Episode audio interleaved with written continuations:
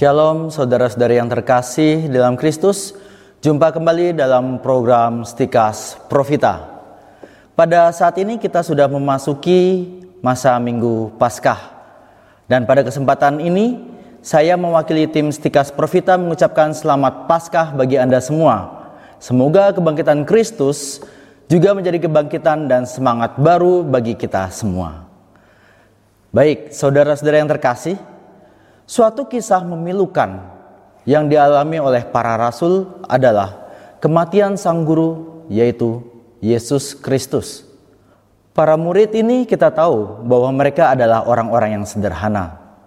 Mereka tidak tahu banyak tentang karya Allah dan ramalan Yesaya tentang Mesias yang akan datang. Mereka mengikuti Yesus barangkali hanya karena terpesona oleh keajaiban-ajaiban yang dilakukan olehnya. Mungkin di dalam mukjizat-mukjizatnya membangkitkan orang mati, menyembuhkan orang-orang sakit, berjalan di atas air, ataupun mengusir roh-roh jahat yang mengganggu setiap manusia.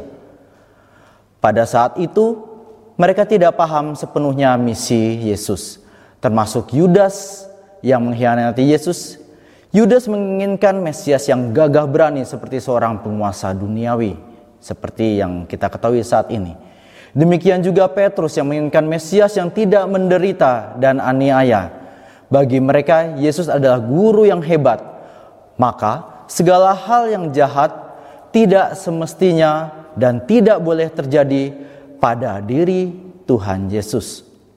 Maka ketika mereka menyaksikan kematian Yesus di kayu salib, otomatis mereka kehilangan harapan karena tidak sesuai dengan apa yang telah mereka pikirkan selama ini. Mereka menyingkir bagaikan pahlawan yang telah kalah perang. Mereka bersembunyi, diiringi rasa takut yang besar dalam rumah-rumah dengan pintu-pintu yang telah terkunci. Mereka bagaikan orang yang memiliki pengharapan yang gagal, kehilangan muka, dan hidup tanpa semangat. Kisah kebangkitan Yesus pada hari ketiga sesungguhnya tidak juga membuat cara berpikir mereka banyak berubah. Kita tahu bahwa pada saat itu Roh Kudus belum dicurahkan atas diri mereka semua. Takutan dan perasaan keraguan-raguan dan tidak percaya akan kebangkitan Yesus. Bahkan mereka ingin kembali ke hidup lama mereka. Merajut kembali bukat-bukat mereka, menerjang lagi gelombang untuk mencari ikan di Danau Galilea dan tetap hidup sebagai nelayan sederhana. Keajaiban kebangkitan tetap tidak menghapus impian mereka dan harapan mereka akan Mesias yang hebat. Mereka belum berani beralih dari penjala ikan di Danau Galilea menjadi penjala manusia. Mereka belum berani meninggalkan Danau Galilea yang sempit dan mengembangkan sayap-sayap mereka ke berbagai belahan dunia untuk menangkap jiwa-jiwa.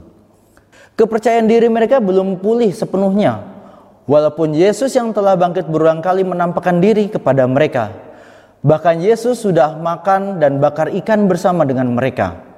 Namun peristiwa Pentakostalah yang akan menjadi titik balik kehidupan mereka dan mengubah semuanya itu.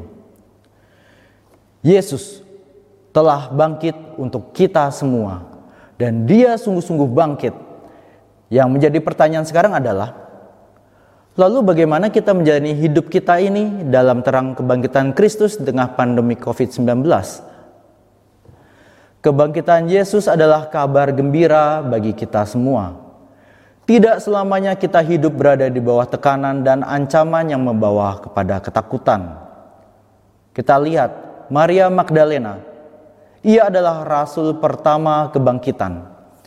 Dialah yang berani keluar dari segala ketertutupan pintu-pintu rumah dan berjumpa dengan sang guru. Ia yang berani mematahkan rantai-rantai yang mengikat para murid dalam ketidakberdayaannya dan berusaha menelusuri setiap lorong-lorong kegelapan jalan-jalan kota Yerusalem menuju terang Yesus yang telah bangkit. Meskipun Maria Magdalena tidak pernah membayangkan berjumpa dengan Yesus yang telah bangkit, namun ia telah menjadi utusan pertama Tuhan yang telah bangkit. Setelah berjumpa dengan Yesus, dia mendengar kata-kata utusan ini.